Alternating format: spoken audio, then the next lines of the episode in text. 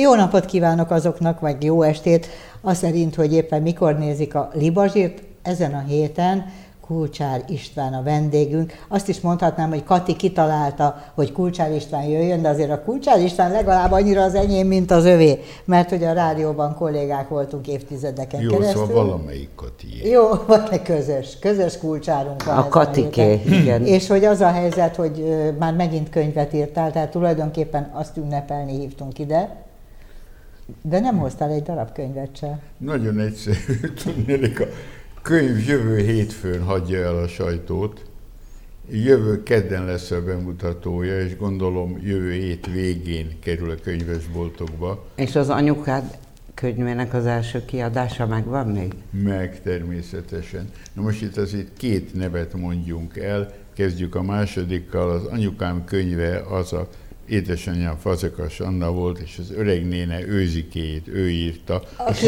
az unokám, a, amin az unokámat is ö, tréningeztem. Mi is ez az ezen öreg- nőttünk fel, a gyerekeink is, és az unokáink is. És azóta, mióta egy kicsit érettebb vagyok, ez csak rám vonatkozik, senki másra, azóta azt szoktam mondani, hogy öregnéne őzikének ez nem megy. Akkor, amikor éppen valamit elhárítok. Úgyhogy Szállói Ígévé nem esítettem az öregnéne Ez nagyon, őzikének a nagyon címét. derék dolog. Hány éves voltál, mikor ezt írta anyukád? Nem voltam kisgyerek már, szóval nem nekem így. Tényleg? Nem neked? Nem, nem, nem, nem, abszolút felnőtt voltam. viszont, Neked viszont nem is írt könyvet? azt kell mondanom, hogy nem. Amikor én kisgyerek Akkor voltam, nem volt ideje. A- akkor, akkor ő pénzt keresett. Ugye akkor még nem író volt, hanem gyógytornatanár. Fantasztikus. Na de még az előző visszatérjünk rá, ugye ez a reklám helye, tehát elmondtuk, hogy a könyve mikor, hogy jelenik meg. Kulturális termék megjelenítést tartottunk, azt majd ki is fogja írni a Tomi szépen. Jó, a címét azért elárulom. Na jó, Privát panoptikum, ez a címe. ez elég nagy szabadságot ad neked, nem? Tehát, hogy a saját gyűjteményed közemberekből? Csak úgy Ö, van benne mindenféle. Tehát, elnézést. Tehát ö, egyrészt egy csomó olyan írás, ami már itt-ott megjelent, van, amelyiket tovább írtam a hatszorosára, tehát itt szó van egyrészt olyan írókról például, és olyan tényekről, amik irodalomtörténetileg érdekesek lehetnek. Na mondjál példát szépen. Hát például az, hogy apám, aki József Attila jó barátja volt, hogy és Szerbantalé, hogy Szerbantalal együtt milyen elég hülye viccet engedtek meg maguknak egyszer szilveszterkor. Aztán, hogy apám József Attilával, nem tudom, ebben a könyvben benne van, ők egy, együtt buktak le, együtt voltak bíróság előtt, nagyon cselesen kiselezték a bíróságot. És azért nem tudod, nem azért, mert már ennyire ö, rossz a memóriád, hanem mert paralel dolgozol már az új könyveden, ez már nyomtatás Ö. alatt van, és a, nem tudom, az előzőt azt meg éppen új Ezt kiadásra már valahol talán megírtam, de mondjuk benne van az, apám ő betege volt, apám pszichiáter volt, és a betege volt ő Karinti Frigyes felesége Bőmara. Aranka? Igen. Meg lehet. Terápiát csinált édesapád? Szab, analízis, szabályosan, ah, igen, annak rendje és módja szerint. Na, itt van egy külön história, de mondom, ez nem csak irodalmi dolog, ebbe benne vannak, benne van egy, az a kor egy kicsit, amire én még emlékszem, tehát a háború alatti évek, háborút követő egy-két év, ami ma már mind nagyon távoli múlt. Kezdve attól, hogy milyen volt a asszonyok helyzete, milyen volt a reklám, milyen volt a közlekedés Budapesten. Hát mai fiatalok nem tudják elképzelni, hogy nem, nem mondjak valami szélsőséges dolgot, hogy milyen az, amikor a villamos lépcsőin utaznak. Hát a villamos csak csukott ajtaja van, nem lehet a lépcsőn utazni. Meg ugye? tujázni a hátulján. Azt elvben ma is lehetne, de nem szokás. Igen. Még jó. A tojázás is benne van egyébként. Én nekem, mikor elkezdtem 15 éves koromban újságírni, tehát ennek most már éppen 75 éve, akkor a nőklapjában jelentek meg olyan sorozataim, olyan riportjaim, az egyiknek az volt a címe, hogy tujáztam.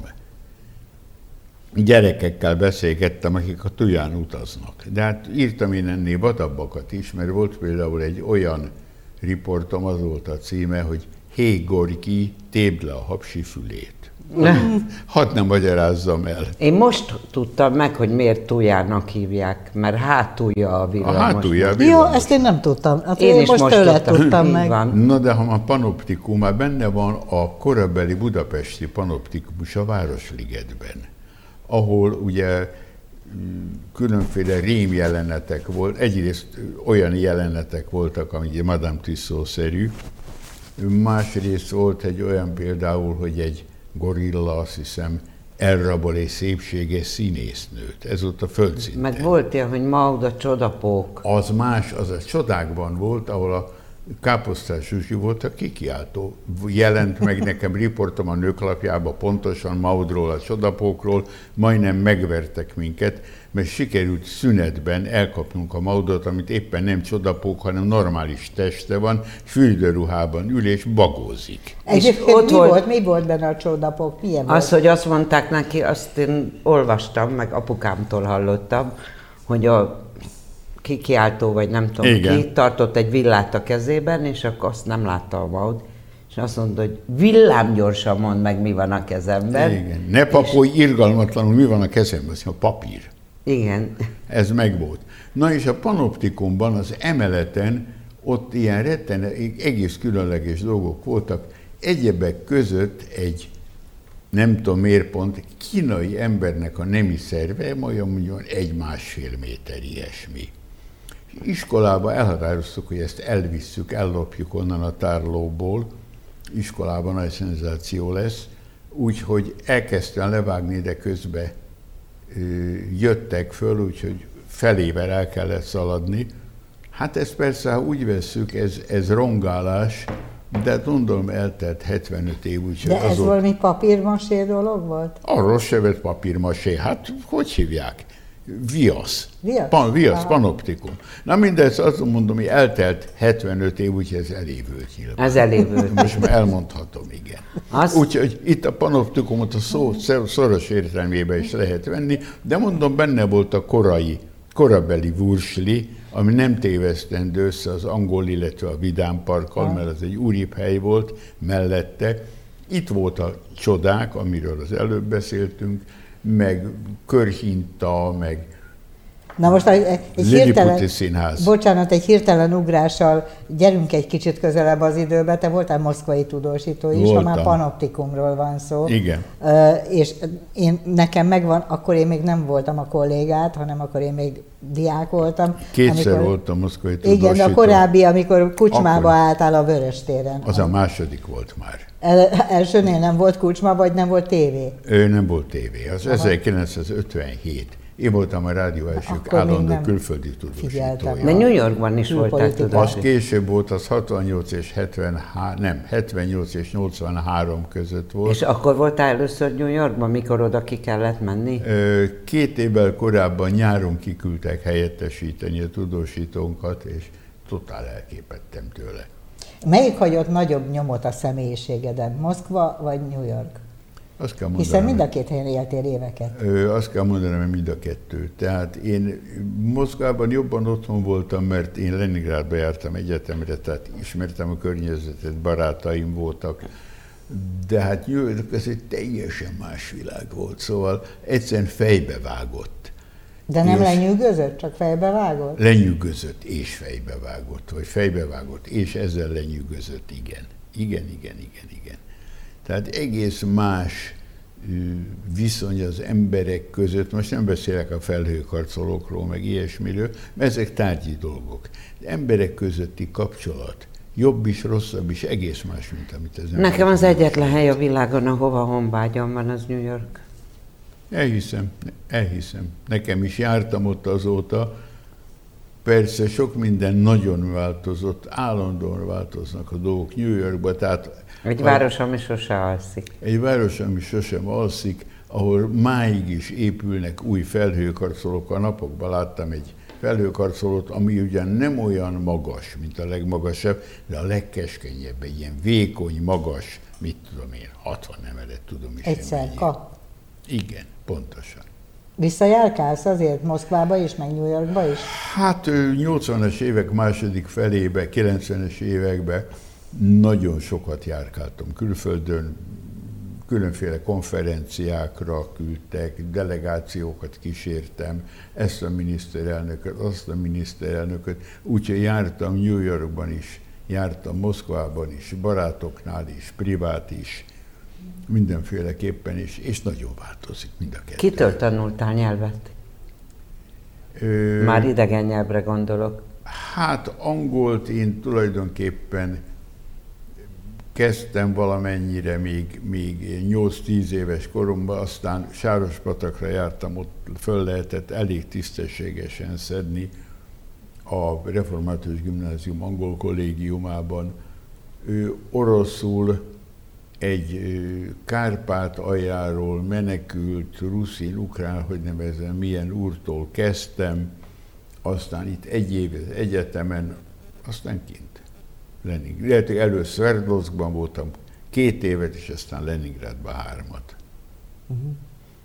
De az az igazság egyébként, hogy, hogy mikor tudtam, hogy jössz, megtudtam, hogy jössz, arra gondoltam, hogy vajon mennyire kezded még a hírekkel a napjaidat, és hogy mennyire érdekel az, hogy mi történik mondjuk abszolút, Ukrajnában? Abszolút, abszolút. Nézd, én nyolc évig, miután hazajöttem az első moszkvai kiküldetésemből, a rádió hírszerkesztőségében voltam. Mármint 57-ben mentél ki először, és 57-ben jöttem 60, ki, 60, 60 végén jöttem haza, és 68-ig a második moszkvai kiküldetésemig a hírszerkesztőségben voltam tudósvezető. Tehát teljesen megszoktam a hírészséget, a szükségletet, hogy azzal kezdődjék a nap, hogy megnézem, hogy mi történt, mi történhet, hol történik. Más kérdés, hogy akkor ugye Lumbával voltunk tele, afrikai hírek, máig el tudom sorolni, ki volt akkor a guineai miniszterelnök, a, a ganai miniszterelnök, és így tovább. Ez volt a hír. Lumumba, ez tényleg a gyerekkoromból megvan. Igen. Pat- Sok gyereket Sir Patrick van. Lumumba. Igen. Ezeket a gyerekeket mindenhol hurcibáltad magaddal? New Yorkba, Moszkvába? Hát egy gyerekem született Moszkvába, azután ö, három, négy gyerekkel voltunk New Yorkban, ebből a legnagyobb az ott már egyetemre járt egy évet, azután hazajött. Ő nem is akart ott tanulni, de... Akkor már én is rádiós voltam, amikor te New Yorki tudósító voltál. Igen. igen. És azután egy született, azután is hazajöttünk New Yorkból. Mert van nekünk egy idős gyerekünk is. Olyé. Szép, hosszú életed során Én el tudnám, szép mesél, el van. tudnám mesélni, milyen volt az, olyan hat éves kor, korú lehetett a fiam, és nyilván a tiéd is, mert egy idősek, amikor a fiamnak Balaton széplakon szálka ment a lábába. És mi történt? Mi történt? Férjed operálta ki egy, egy tűvel. egy, hiába orvos, ugye? Egy szálkát a lábból tűvel lehet kiszedni. Nem, hogy orvos, hanem még sebész is ráadásul. Ráadásul sebész, de nem szikével dolgozott, nem. hanem egy tűvel. Fürdőnadrágban ritkán van a Igen. szike. Igen. Aztán ugyanez a fiam 35 évvel később majdnem kitörte a nyakát lavinában a Jézus Mária. Tátrában, akkor te, illetve a férje segítettetek, hogy a Honvéd kórházban műtsék. És azóta is jól van a gyerek? Jól, jól. Helyes. Hát ő panaszkodik erre-arra, de alapvetően jól van, van két gyereke, szóval azért Hány unokád van összesen? Ha csak a sajátjaimat veszem szigorúan, akkor van hét, és akkor még a feleségemnek is van egy unokája. Mert hogy ez egy második házasság.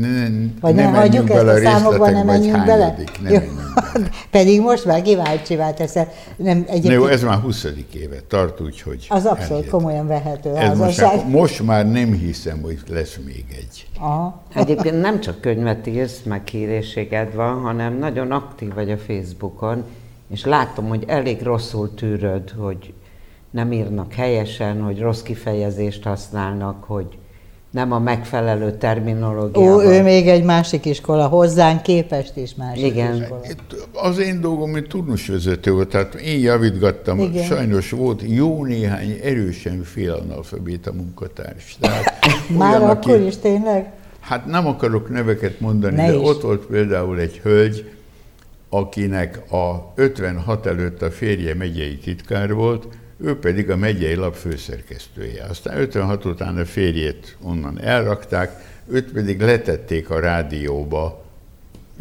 szerkesztőnek. A szerkesztő azt mondja, legalacsonyabb szint. Na most lehet, hogy főszerkesztőnek jó volt, ezt nem tudom megítélni, de egy mondatot nem tudott leírni. És ez nem az egyetlen ilyen volt. Aki ott valamit tudott, az, az aztán nagyon gyorsan kinőtte magát. Tehát külföldi tudósító lett. Tudnám sorolni. Gyors karrierek keletkeztek. De akkor már voltak, amikor te oda kerültél, volt a lehallgatás, mint műfaj? Most senki ne gondolja rosszra. Ez a rádiófigyelés. Rádió, rádiófigyelés volt ez a rádiófi- lehallgatás. Annyira nem volt, ugye, hogy csak a hírügynökségtől, az MT-től kapott híreink voltak. És mondtuk, hogy volt az ember meghallgatja a BBC-t, Moszkvai Rádiót, lehet híreket onnan venni, és én vizsgáztattam oroszból, a, ugye oroszul, angolul, ezenek ezt a kettőt kellett okvetlenül tudni. És én vizsgáztattam az első embert, és 20 embert kiselejteztem. Akkor derült ki az, hogy hiába, mert kapott egy elég rossz recsegő felvételt, ahogy azt lehetett ugye egy moszkvai... És nem érted belőle semmit? Valamit értett, de nem tudta értelmesen elmondani, vagy apolitikus volt, hogy de orosz tanár volt közte, és nem ment. És akkor jött egy ember, aki belehallgatott, és már mondta, és mondtam, stop, ez nekem jó. Azonnal. Úgyhogy, ahogyják azt mondta, a Földi Iván, aki a, nek a megbízása Az én első főnököm. igen, nekem is gyakorlatilag.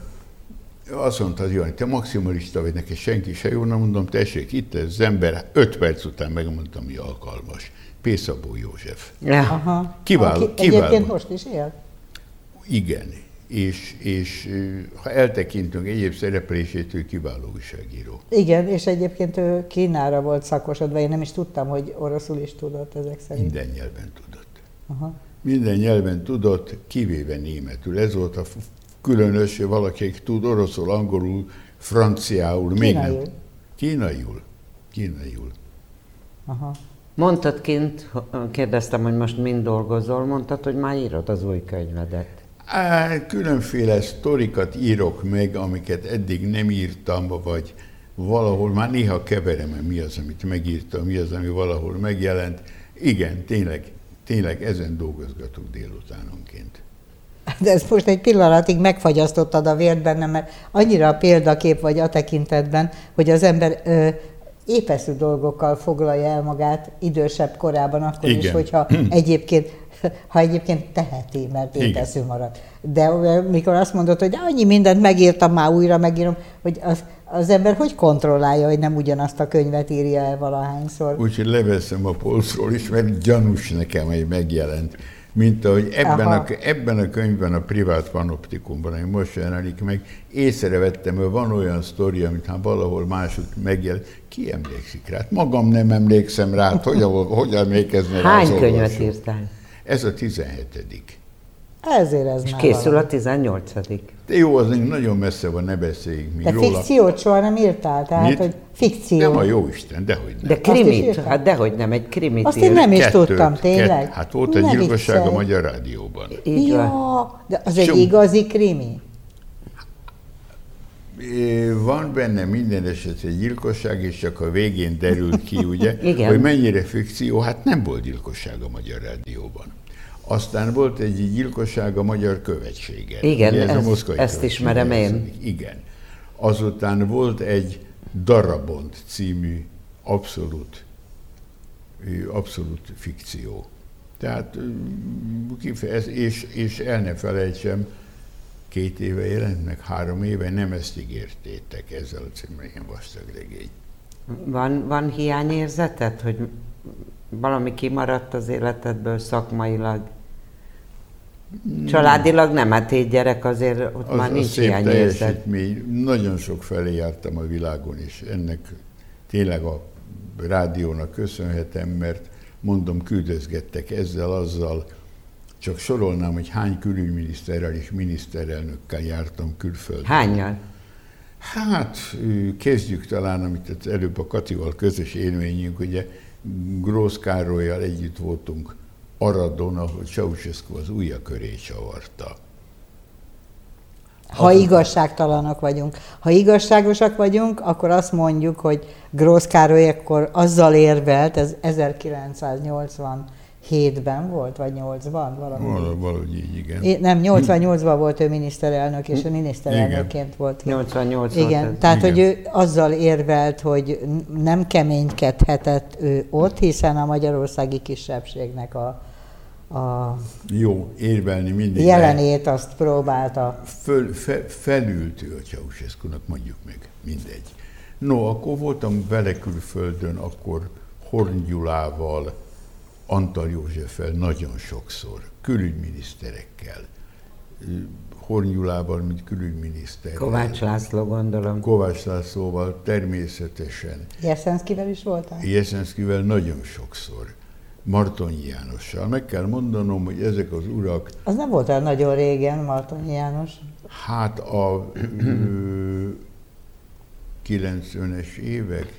Nem, még... Nem, már még 2000... Igen, a, a, a stimmel, a, a... Hát a Fidesz korszakban is második. volt külügyminiszter. Igen. Na hát az, arról beszél, hogy két cikluson volt. Kétszer volt külügyminiszter. Ja. Meg kell mondanom, hogy ezek a külügyminiszterek abszolút egyenrangúan kezelték az újságírókat. Tehát most nem beszélek, hogy tegező viszonyban voltunk, magától értetődően, de Kovács László bármikor rendelkezésre állt. Jeszenszki Gézáról ugyanezt tudom elmondani, nem is szólva Martonyi Jánosról. Legalábbis az első ciklusban újságírók jobbat elképzelni nem tudnak, mint amilyen ebből a szempontból ő külügyminiszter volt. Mond, és politik, külföldi politikusok közül ki volt nagy fogás? Hát mondjuk, hogy Kissinger. Hát azért az, az elég nagy egy, fogás. Egy, kicsi fogás, de az, az, elég már, nagy az, fogás. Már egy, az már egy nyugalmazott Kissinger volt. Akkor is Kissinger. Szerintem, igen. Azt... Ö, aztán, hát Khrushchev meg volt. Martonyinál meg te voltál már egy nyugalmazott külpolitikai szerkesztő, és mégis ott voltál. Ja, hogy hát a rádió küldött ki vele külföldön. A rádió egyébként rendkívül türelmes volt az idősebb kollégákkal, és megbecsülte őket méltán, szerintem. Nem? Ez így volt. Hát ott addig dolgozhattatok, ameddig akartok. Már azért mondom, hogy rátok Jó. vonatkoztatva ezt, mert én már elkerültem Elmondom, onnan, aztán nem tudom, hogy ez meddig Elmondhatom, volt hogy hogy lett vége. Jó. 2006-ban, amikor 50, bocsánat, 49 éve voltam rádiós, tehát már épp lehetett volna, akkor mondjuk réges-rég nyugdíjas nem voltam státuszban, de ugyanazt a munkát csináltam, amit az előtt lényegében.